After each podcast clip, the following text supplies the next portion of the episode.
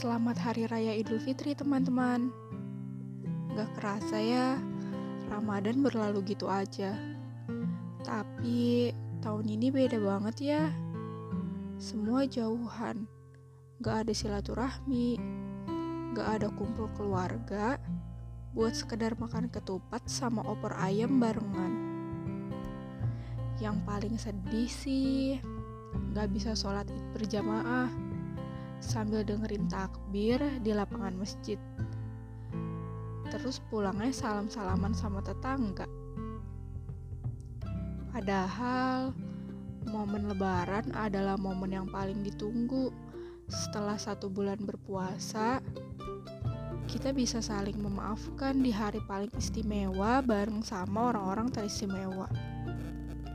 Gak ada mudik juga, tradisi masyarakat Indonesia sebelum ngerayain Idul Fitri. Tapi nggak apa-apa, buat tahun ini dipending dulu ya, sampai situasi segera pulih.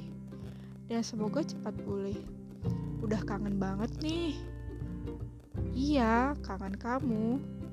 Eh, maksudnya kangen semuanya.